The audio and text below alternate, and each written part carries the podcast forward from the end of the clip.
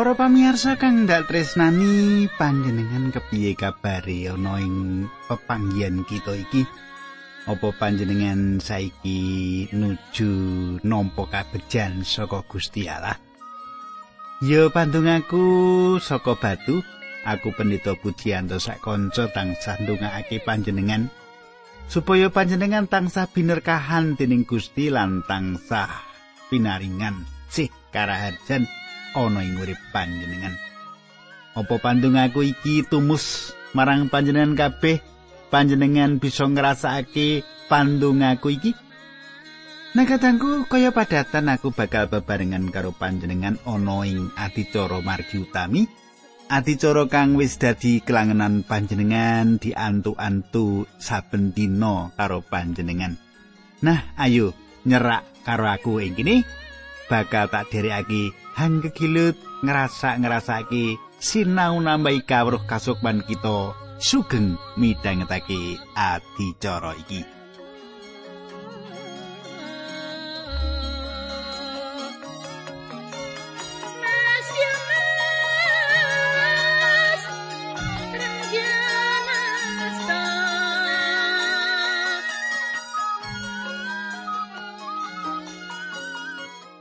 Katengku tentune panjenengan isih kelingan apa sing tak aturake nalika patemon kita kang kapungkur. Ing patemon kita kepungkur kita wis nyemak sawetara katetepan kang ana gegayutane karo korban pangruwat dosa lan korban kaslametan. Banjur kepriye sateruse panjenengan tak derekake ing patemon saiki nanging sadurunge aku ngaturake salam karo Pak Triwarsono. Pak Triwarsono SMS kalian kula menapa menika leres? Nomor HP nipun Pak Pendito Pujianto? Nggih. Sugeng pinanggih Pak Triwarsono. Menawi panjenengan sampun nate pinanggih kalian kula nggih. Kula nate ngladosi wonten ing kita panjenengan nggih. Nah katanggu ayo kita ndedonga dhisik Duh Kanjeng Rama ing swarga kawula ngaturaken gunging panuwun menawi wekdal menika kawula saged pinanggih malih. Kalian sederek-sederek ingkang kepingin nambahi kawruh babagan kayektosan ing kitab suci menika. Kawula nyuwun Gusti berkahi. Wonten ing adicara menika paduka tansah nganti supados pangandikan paduka saestu tumus handayani kegiatan lan panglipuran Linambaran asmanipun Gusti Kawula Yesus Kristus kawula ndedonga haleluya. Amin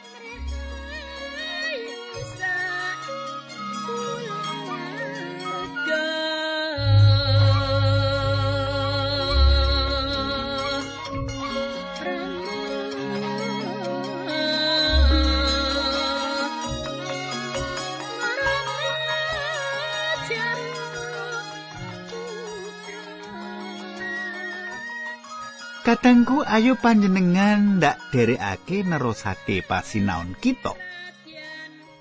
Kita nyemak apa kang ditulis ing kitab Kaimaman. Ya kuwi Kaimaman papat ayat 11 nganti rolas. Kaimaman papat ayat 11 nganti rolas. Lulange kewan mau kudu dikeleti banjur daging endas. Sampil jeruan usus-ususe. Kabeh kudu digawa metu menyang jaban kemah lan diobong nganggo kayu ing panggonan suci sing dienggo buang awu. Kadangku nalika kuwi ana sawijining perkara kang nyimpang kang banget dening beda dibandingake karo sesausan kang liya. Turan saka sapi kuwi digawa metu saka kemah lan diobong ing kono. Kita percaya yen lakon iki mung sadrema sawijining bab kang ngetokake dosa kang luwih-luwih. Kewan iki sawijining kurban pangruwat dosa, ora ana pikiran bab srana nyucakake utawa meratelake pribadine Sang Kristus. Malahan luwih saka bukti yen Sang Kristus kang nyangga dosa panjenengane kang didadekake dosa demi kita kabeh.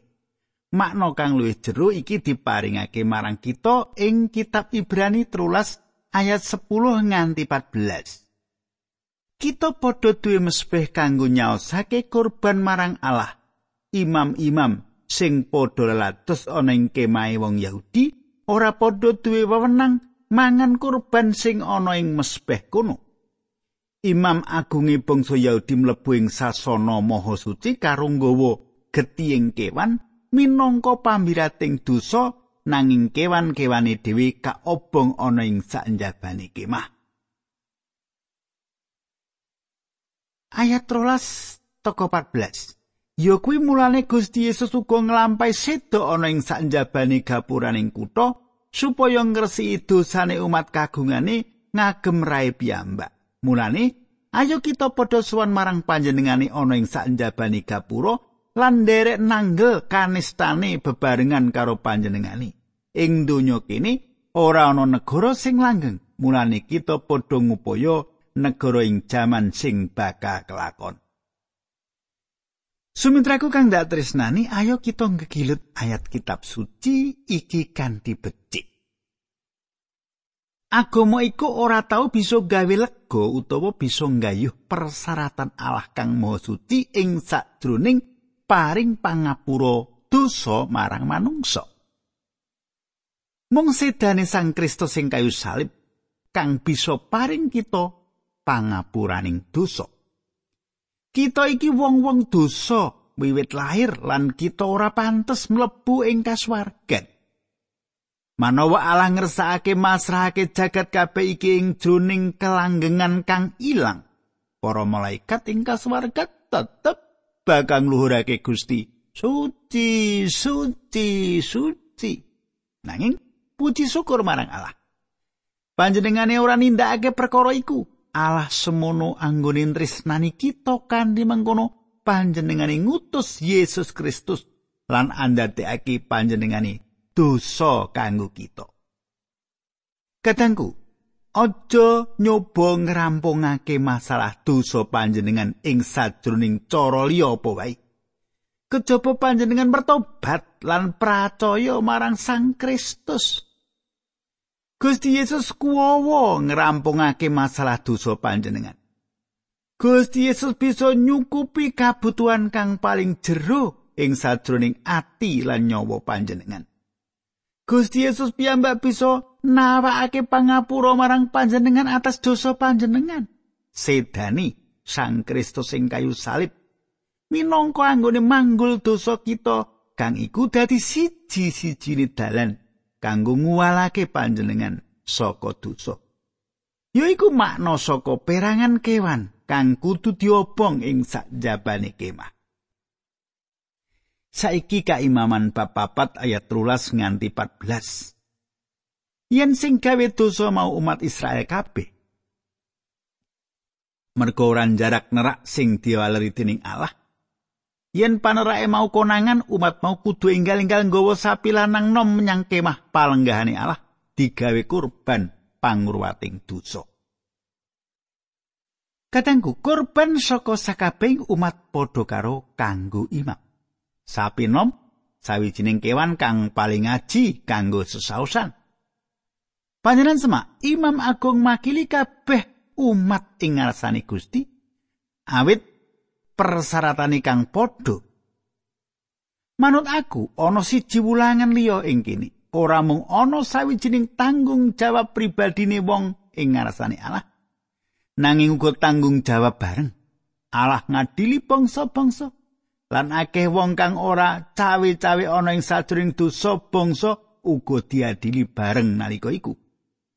Nalika Yerusalem dirusak ing taun pitung puluh, kabeh bangsa dadi batur tukon nalika negara Rom lebur saben wong uga ngrasakake. Katangku, Allah uga ngadili gereja-gereja lan pasamuan panjenengan. Aku krungu wong kondo yen wong-wong padha mlebu ing gereja kang liberal lan budidaya supaya bisa dadi seksi. Saka ngendi wong mau entuk pikiran mengkono? Pikiran mengkono kuwi ora ana ing pangandikane Gusti. Yen panjenengan modho rupa karo sawijining gereja kang ora mulangake kayekten saka pangandikane Gusti Allah, Allah bakal ngadili panjenengan bebarengan karo gereja iki. Tanggung jawab panjenengan sawijining tanggung jawab pribadi nanging nalika panjenengan gabung karo kumpulan apa wae panjenengan dipapanake ka bawah tanggung jawab bareng uga. Nalika Gusti maringi dawuh marang pitung gereja ing Asia ing kitab Wahyu dawuh mau dialamatake marang gereja-gereja lan saben warga gereja-gereja mau. Kaimaman papat ayat 15.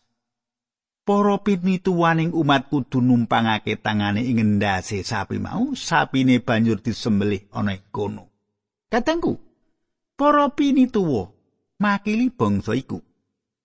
Kaya mengkono uga para pinituwa ing sajroning kitab Wahyu makili gereja. Saiki tata urutan upacara ing kene memper karo sesausan para imam. Perkara iku dicethakake ing bab 4 ayat 16 nganti selikur. Mengkene surasane. Getie salong dicupuk dening Imam Agung digawa mlebu ing kemah suci.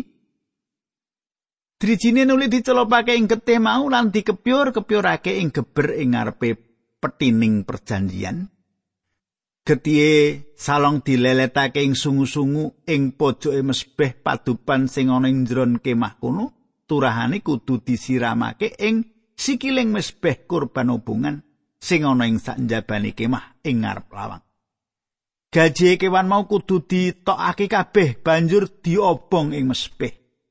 Patrape padha kaya yen nyaosake sapi lanang kanggo kurban pangruwating dosa, kaya mengkono patrape Imam Agung nggone nyaosake kurban tumrap dosane umat lan Gusti Allah ya bakal ngapura dosa-dosa mau. Ayat selikur. Sawise mengkono sapi lanang sing wis disembelih mau kudu digawa metu saka kemah kono lan diobong. Patrape kaya nggone ngobong sapi lanang sing dinggo kurban ngruwat dosane Imam Agung, kaya mengkono patrape nyaosake kurban pangruwating dosa sing ora dijarak kanggo umat. Kadangku aku ora arep mbeberake ayat-ayat iku meneh ya. Saiki tak terusake wae ayat 23 nganti 23 kaimaman bab 4. Menawa kang gawe dosa iku sawijining panggedhe kang kalawan ora kajarak nerak salah sawijining wewalaring pangeran Yahweh, Gusti Allah temah dadi kaluputan menawa dosa kang dilakoni iku disumurupake marang wong mau, dheweke tumuli nggawa wedhus berok siji lanang kang tanpa cacat kanggo kurbani. Kadangku kang dak tresnani panjenengan gatekake yen kabeh golongan kang beda iki kudu nggawa sawijining sesausan awit wong-wong iku wong dosa. Tanggung jawabe wong-wong mau beda ing saben perkara, nanging wong-wong kabeh luput. Iki ana sambung rapete karo panggedhene bangsa. Wong kang dadi panggedhe asring didakwa kanthi ora pas lan ana gosip kang sumebar gegayutan karo para panggedhe mau. Ya iku mesti dosa kang sak. Dosane kudu asale saka wonge dhewe lan sebanjure dheweke kudu nggawa sesausane. Sepisan maneh panggedhe ana ing sawijining panggonan kang tanggung jawab, sesausane ora kurang aji tinimbang karo imam utawa kabeh bangsa nanging luwih aji tinimbangane karo wong. Kadangku iki mulangake marang kita yen panggedhe kang disucikake Allah lan awit saka iku para panggedhe mau duweni tanggung jawab marang Allah. Emane akeh para pemimpin kita ing wektu iki ora mbudidaya kanggo ngremenake penggalihe Gusti Allah. Aku wis krungu akeh saka pidato para panggedhe kang kondo yen rumangsa duwe tanggung jawab marang Allah. Para panggedhe utawa pemimpin iku tansah mbudidaya kanggo nyenengake atine wong akeh. Panjenengan bisa uga krungu gegayutan karo pokok-pokok pikiran wong-wong mau. Allah ngendika yen wong-wong mau duwe tanggung jawab marang panjenengani. Kadangku, para pemimpin uga kudu nggawa sawijining sesausan cempe siji lanang kang ora cacat. Sesausan iku ora padha ajine karo ya sapi siji. Urutan upacara lan urutan kanggo sesausan para pemimpin kudu manut kaya kang ditindakake kanggo imam lan kanggo wong akeh. Panjenengan katakake dosa para panggedhe iku padha. Kaya-kaya para panggedhe mau warga negara pribadi. Ajining kewan kang kudu dikurbanake nuduhake tingkat saka tanggung jawabe. Saiki kaimaman papat ayat pitulikur yen ana wong lumrah sing gawe dosa nerak wawalari Gusti Allah ora kejarak. Katangku saiki kita ngrembug bab rakyat lumrah. Warga negara biasa. Sesaosan yaiku kanggo dosa kang ditindakake kanthi ora kejarak nanging sawijining dosa lumawan siji dawe Gusti Allah. Dosa iku nerak sawijining paugeran kang meratelake apa kang ditindakake kuwi pancen dilarang. Kaluputane ora bisa mung dirungokake, nanging rasa luput iku kudu dinyatakake. Sepisan maneh, kita nyemak ing kene yen sesausan iki ditindakake kanggo ngangkat rasa luput kang ngandhut pirang-pirang kang ruwet saka manungsa modern iki. urutan kajiwan durung kuwa nggayuh titik iki nuranine wong bisa uga diobong karo wesi panas lan rasa luput bisa uga dipindahake saka wilayah siji menyang wilayah lainne nanging adoh saka atine manungsa kang jero dhewe ngandhut pirang-pirang rasa luput kang aneh isih manggon rasa luput iki diilangi mung yen dosa kuwi digawa ing ngarsane Sang Kristus supaya bisa nampa pangapura saka panjenengani. Ayat 22 wong mau kudu enggal dikandani supaya saus kurban rupa wedhus wadon sing mulus tanpa cacat. Kadangku menawa sawijining dosa dingerteni sakwise sebanjure ora maneh disebut minangka dosa kang ditindakake ora kanthi jarak. Nanging kanggo perkara iku tetep mbutuhake sesausan kang padha apa kang ditindakake wong percaya ing wektu iki wong percaya ing wektu iki kudu sowan marang Sang Kristus minangka wong dosa kang ilang lan nampa panjenengane minangka juru slamete. Sebanjure nalika wong percaya iku eling yen dheweke wis dosa, mula wong iku kudu ngakoni dosane ngarsane Allah. Coba panjenengan kateke siji Yohanes 1 ayat 9. Nanging menawa kita padha ngakoni dosa-dosa kita marang Gusti Allah, panjenengane bakal netepi janjine lan tumindak adil, temah bakal ngapura saking dosa kita sarta ngresi saking piolo kita. Kadangku siji cempe dadi sewijining sesausan kang kurang ana ajine tinimbang sesausan kang ajing ngendi wae. Nanging sawijining sesausan dibutuhake, kabeh sesausan iki nuduhake marang sedane Sang Kristus. Sepisan maneh urutan upacara padha kanggo kabeh golongan manungsa.